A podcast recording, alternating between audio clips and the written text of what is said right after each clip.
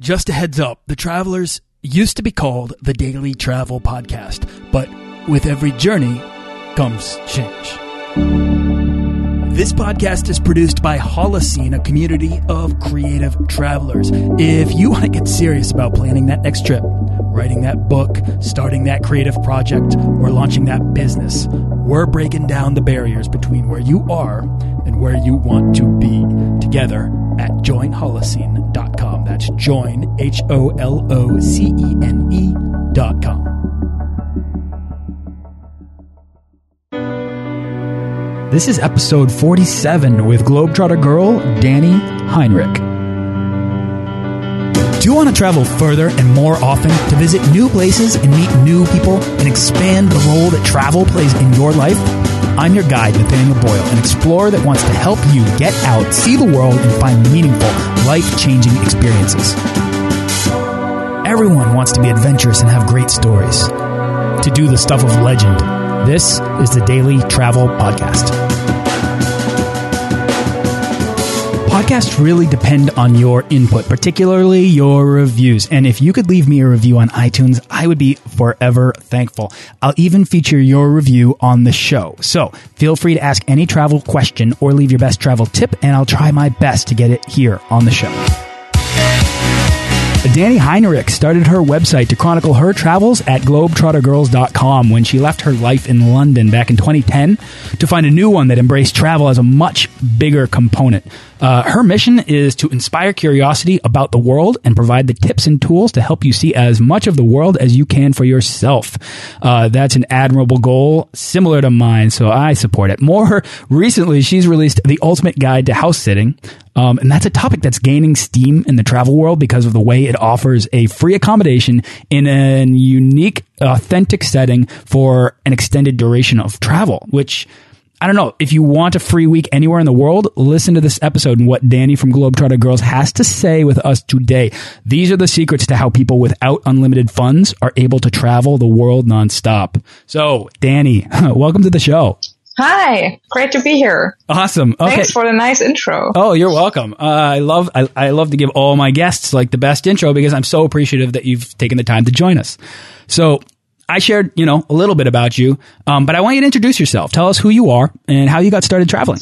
Well, I've always been traveling since, you know, I was a child basically, but um, I had never done any long-term traveling until I basically met my girlfriend, Jessica, in Germany in 2006. And she had done some backpacking and piqued my interest. And I thought, oh, that's a different way of travel. You know, it's not your two week vacation that I was used to, even though I did independent travel, but it's still, you know, something else than traveling the world for a longer period of time.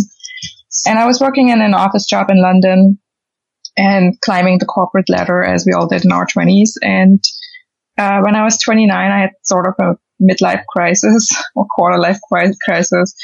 And I thought, well, if I don't do it now, I'm never going to do it. And I bought a backpack and convinced my girlfriend to come along and we started traveling full time.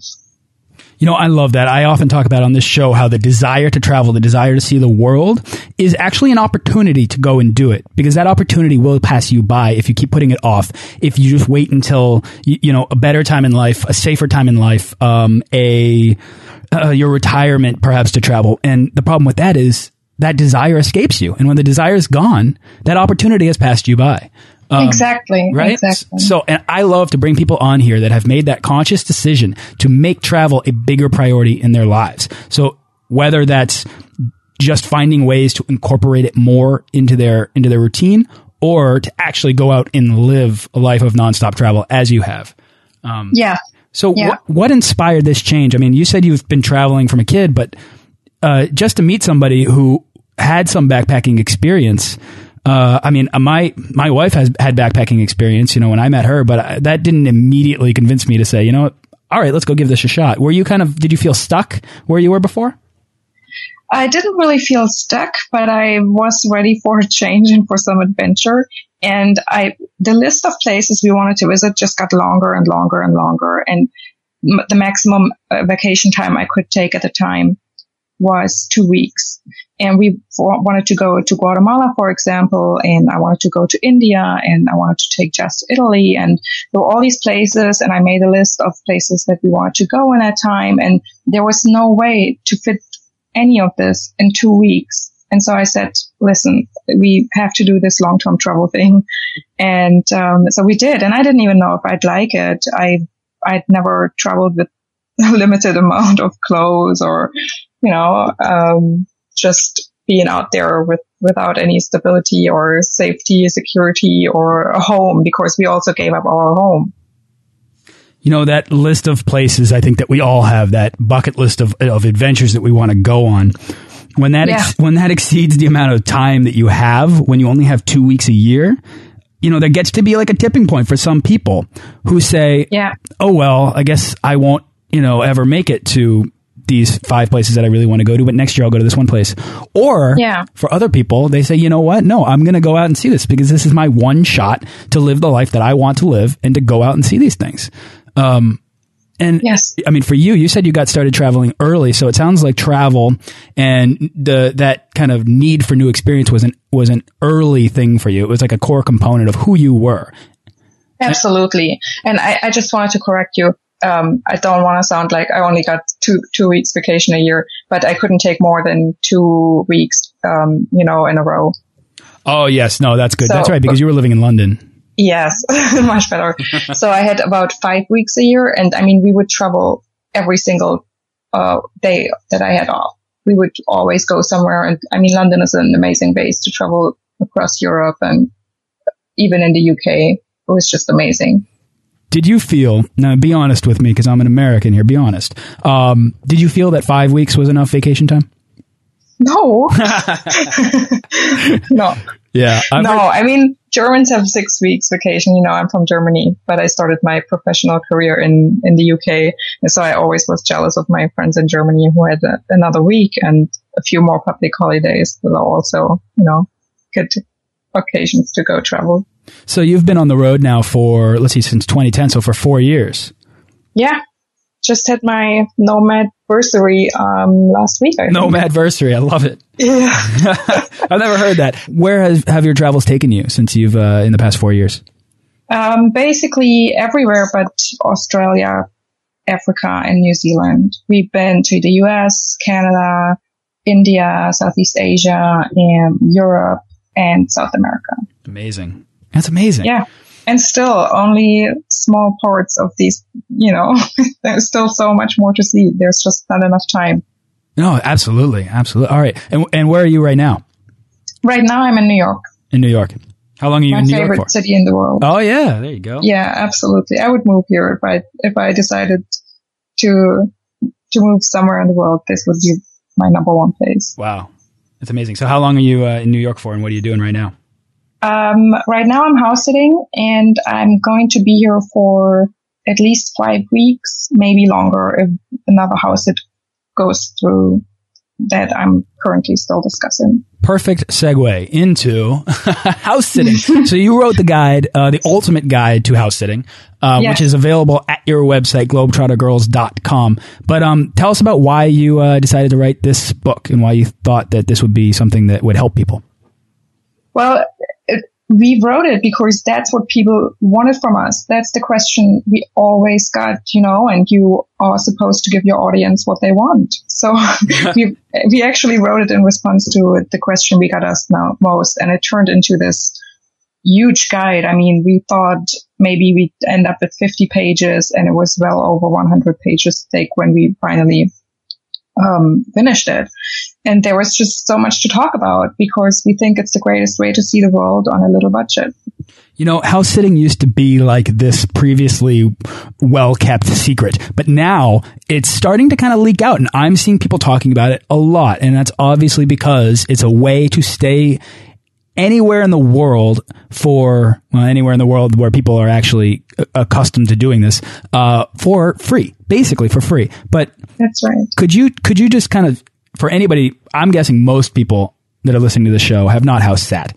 Um, could you just take us from the ground up and explain to, explain to us exactly what house sitting is and how it works? Well, basically, basically you look after people's homes while they're on vacation. And the reason they want a house sitter is either they have luxury homes, so, you know, homes of value and they don't want them to be left alone and unattended for a longer period of time, or they have pets. And that's the, the most common thing. So there's always pets involved. I had one in 17 houses without pets. So you really want to be, you really want to be a, a, an animal lover, really. You want to be open to be, being able to take care of a dog, a cat, a bird, a fish. Absolutely. yes. and luckily I love animals and I have to say with cats, it's always the easiest because you can still go about your day. You don't have to worry about, you know, having somebody sitting somewhere waiting for you to come back. Like the, that's the case with the dog. But, um, yeah, I mean, I only look after cats and dogs. There are people who look after horses and snakes and fish. And I mean, okay, I do fish, I guess, but I, I wouldn't do any exotic animals. It's, but, but that's up to you, you know. And I mean, there are, I know house sitters who only look after houses without any animals involved, but it just lim limits the selection very much. That was going to be my question. What if you don't love animals, or like, let's say you're afraid of dogs? Are, are there still enough opportunities out there to consider house sitting as an option for you? There are. They are limited, and I I would assume that they are more sought after because you know there's only a limited number of them. But uh, there's definitely you could definitely do it. Okay, so who can house sit? Can anybody house sit? Anybody can house it. That's a great thing. Um, I have to say, we, we also run the uh, website ultimatehousesittingguide.com.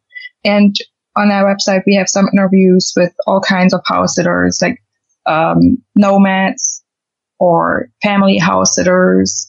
You know, so there's, for example, we just featured a mom with her son who are traveling the world and house sitting together.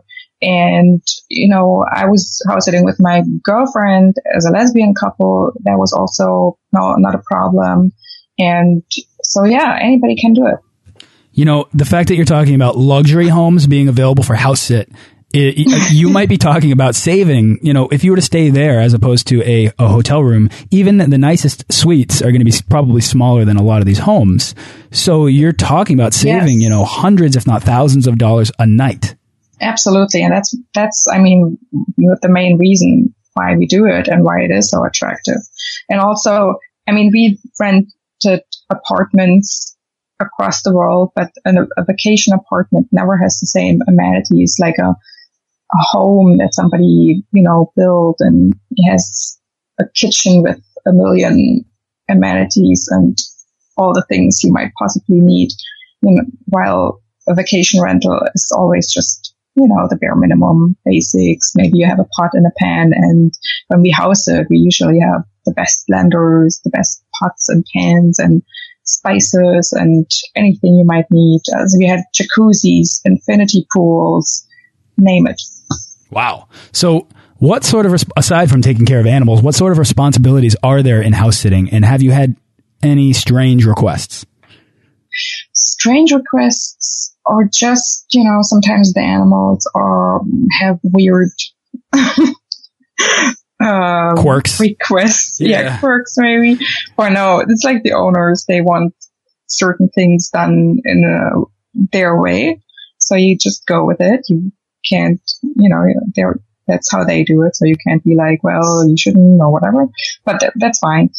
Um, but other than that, no, Nothing out of the ordinary. No, I don't think so.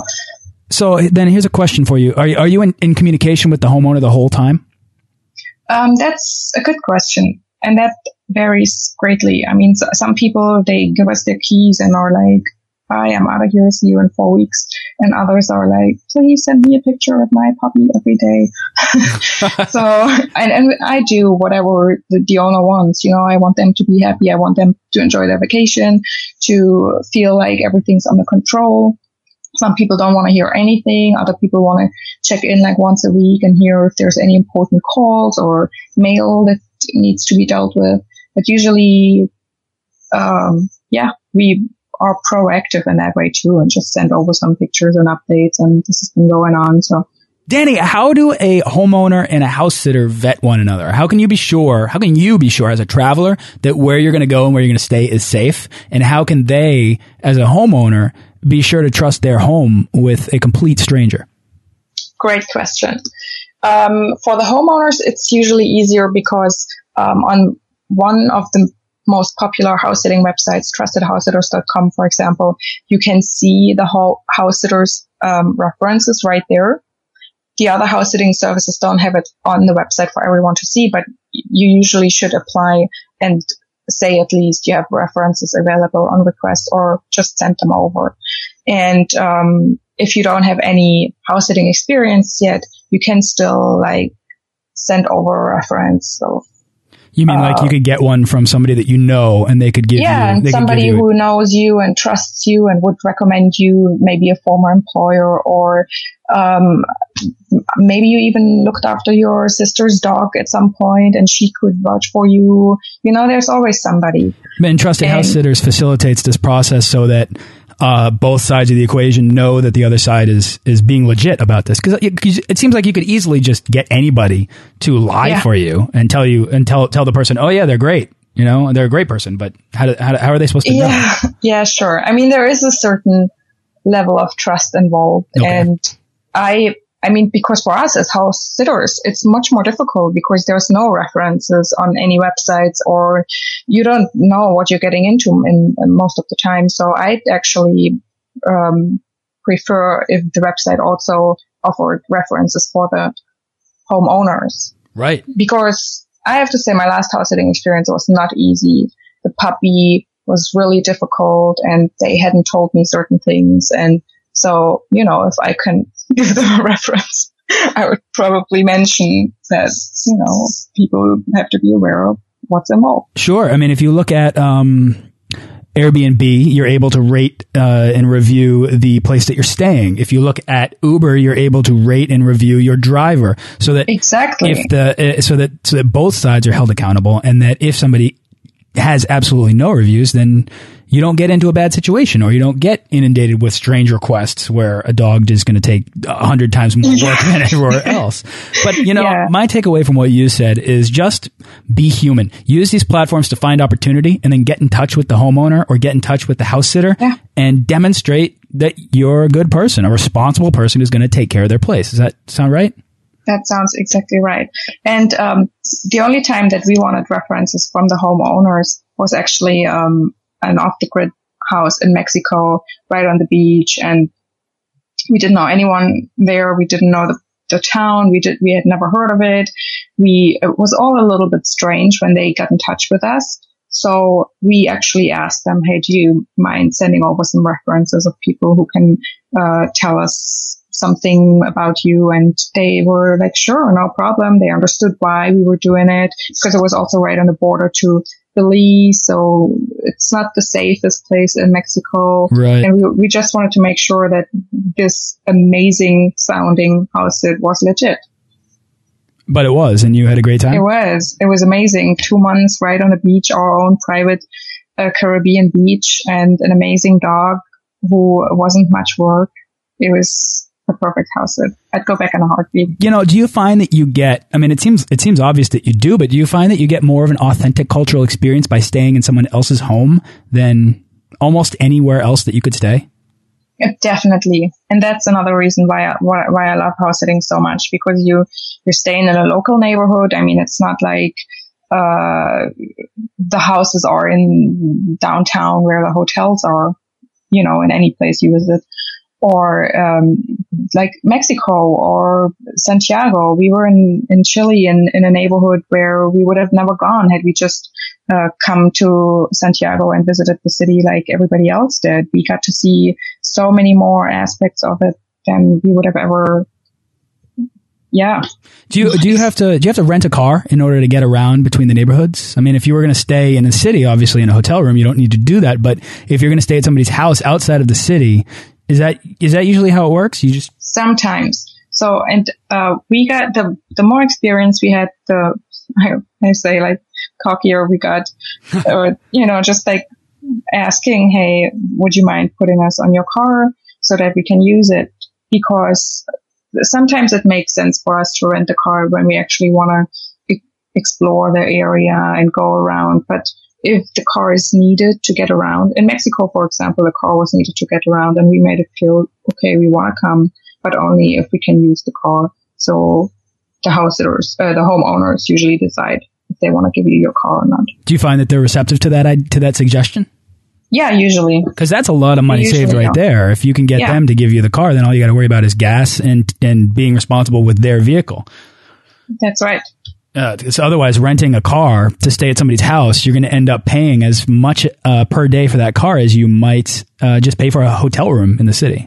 It depends though. I mean, we housed it in Tuscany in Italy a couple of years ago. Yep. And there you just want to go around and visit all the little villages. But the owner was also going on a trip uh, within Italy and he took his car. So we had to rent a car, but it only came to 17 euros a day. Oh. And it was over Easter, like the most expensive time to stay in Italy, um, you know, because prices go up over the holidays.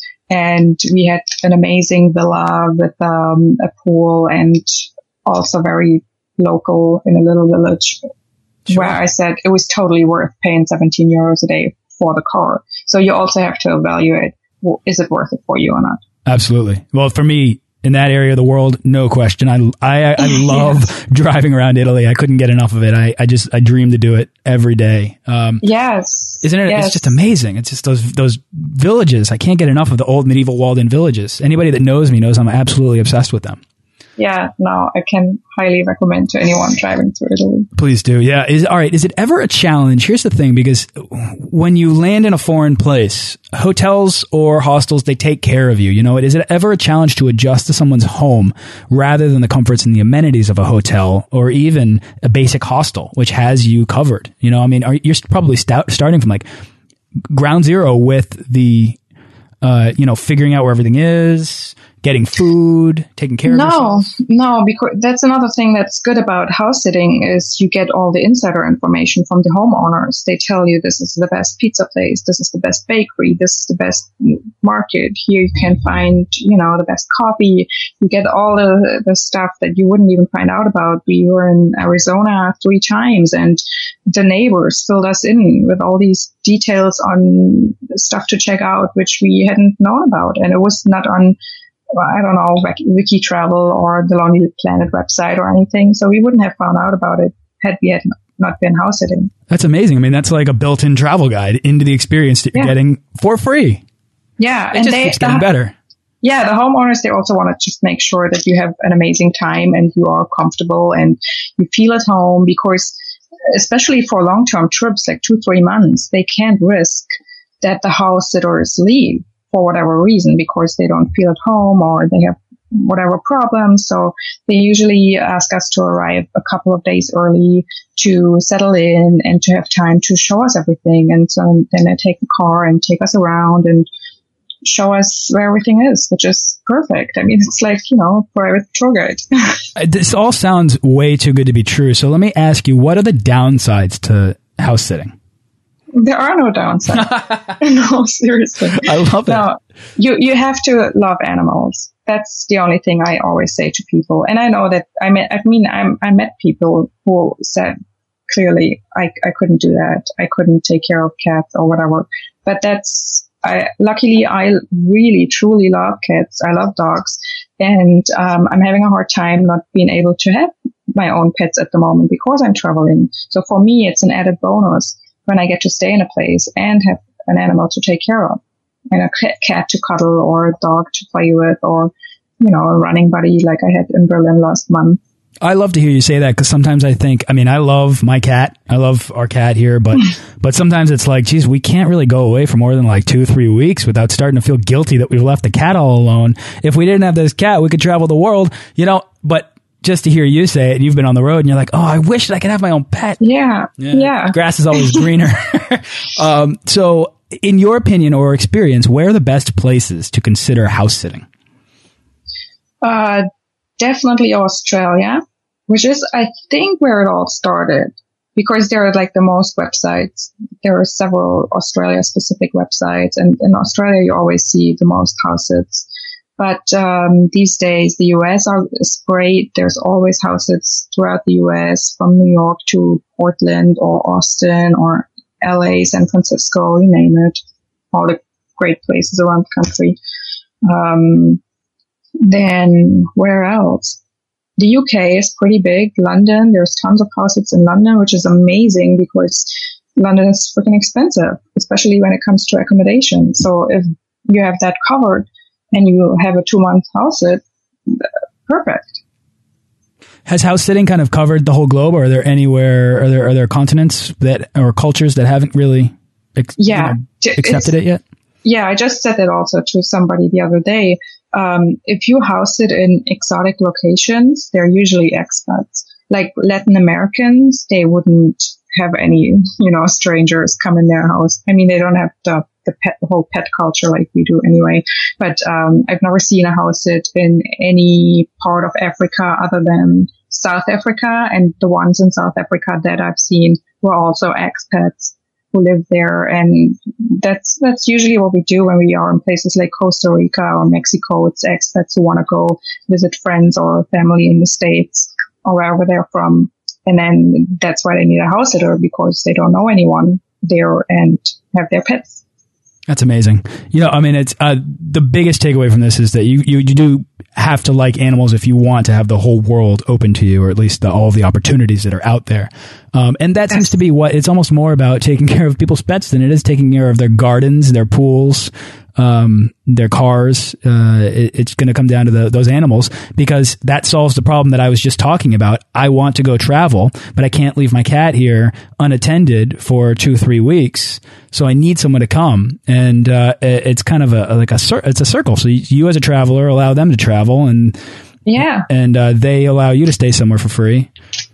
That, that, yeah, that really I couldn't agree more. Yeah, uh, when I found out about house sitting, because we lived in London, we were both expats, and so we couldn't have any pets. Like I said before, we were traveling every time we had the chance to travel, we would travel. So there was no way we could have a dog or a cat.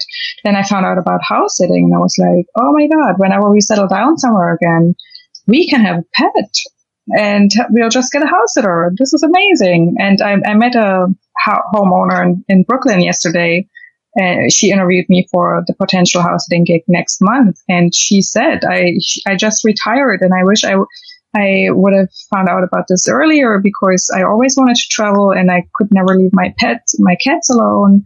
And now I find out about this and can travel the world. It's amazing. It's amazing. Is there yeah. anything else you want to add to uh, the conversation that we haven't covered about house sitting before I get into the um, travel advice lightning round?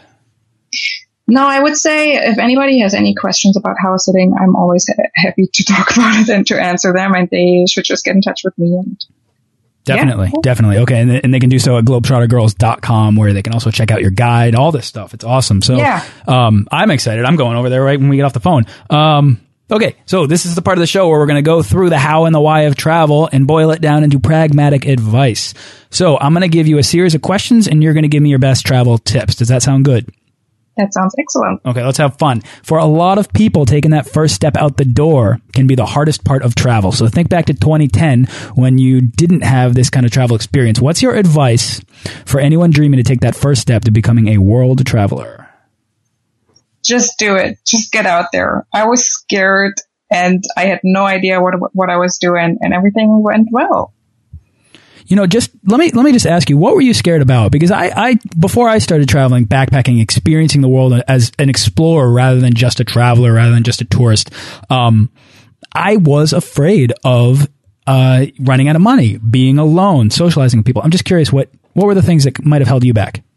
Um, no, that wasn't even my problem. My problem was more like the whole logistics of everything. I was, uh, I had like the places in Mexico I wanted to see and we started in Central America and I was like, how the hell are we going to get from A to B and how are we going to get to places and are we going to find places to stay and everything is on the internet these days. You don't even need to travel with a guidebook anymore. But um, and I know that that's uh, still a problem for most people because that's one of the questions we get asked most. Is when I get emails, it's like, how do you, how did you get around, and how do you find your place to stay? So, So, for you, it was an issue of, uh, of of having so much planning, so many logistics to really nail Yeah, down. yeah. And you just eventually you just got over that need, and you figured out that you could just figure it out as you went. yeah, that's exactly what happened. Awesome. That's great. Yeah. See, you need to experience that, I think, in order to become comfortable with that. Um, Dani, the biggest hurdle for most people who want to travel more is cost. Now, we just talked this whole time about house sitting, but do you have a secret money saving tip? Well, you might have just mentioned it. I think we might have covered it already. Yes, is yes. totally fine. But uh, I'm going to point people towards trustedhousesitters.com, which is what you referenced as your. Um, I'm going to also use that answer as your favorite internet travel tool or resource. Would you agree? Yes, because I can't think of anything else really at the moment. Uh, I will also include uh, it, your ultimate guide to house sitting. ultimate guide to house sitting. Yes. Yeah, that's a, that's going to be an invaluable resource for anybody that wants to get into house sitting and uh, needs to have all their questions answered. All right, do you have a favorite uh, travel book or a book that's inspired your travel style? The book that really in- inspired me to go backpacking is, as cheesy as it might sound, The Beach, Alex Garland.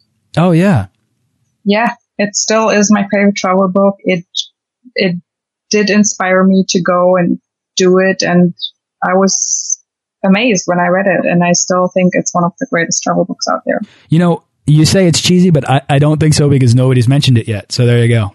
Oh, yay. yeah, exactly. All right. And if you haven't already, you can get this book or any book mentioned on this show for free from audible.com by going over to freetravelbook.com. So check that out. Do you have a uh, favorite piece of travel gear that you take everywhere you go? Uh, I have to say that would be my iPod Touch. I don't have an iPhone, but the iPod Touch basically can do everything that an iPhone can, just not call. But I have the Skype app, so it does everything. It's my camera. It's uh, it has all the apps that I need. It, it's I, c- I couldn't travel without it. I think.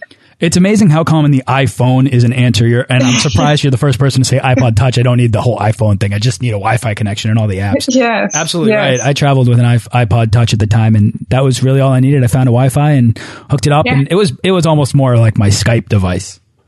yeah, no, Totally. totally. Um, all right, Dani. Last question: What's the weirdest thing you've ever eaten? Durian.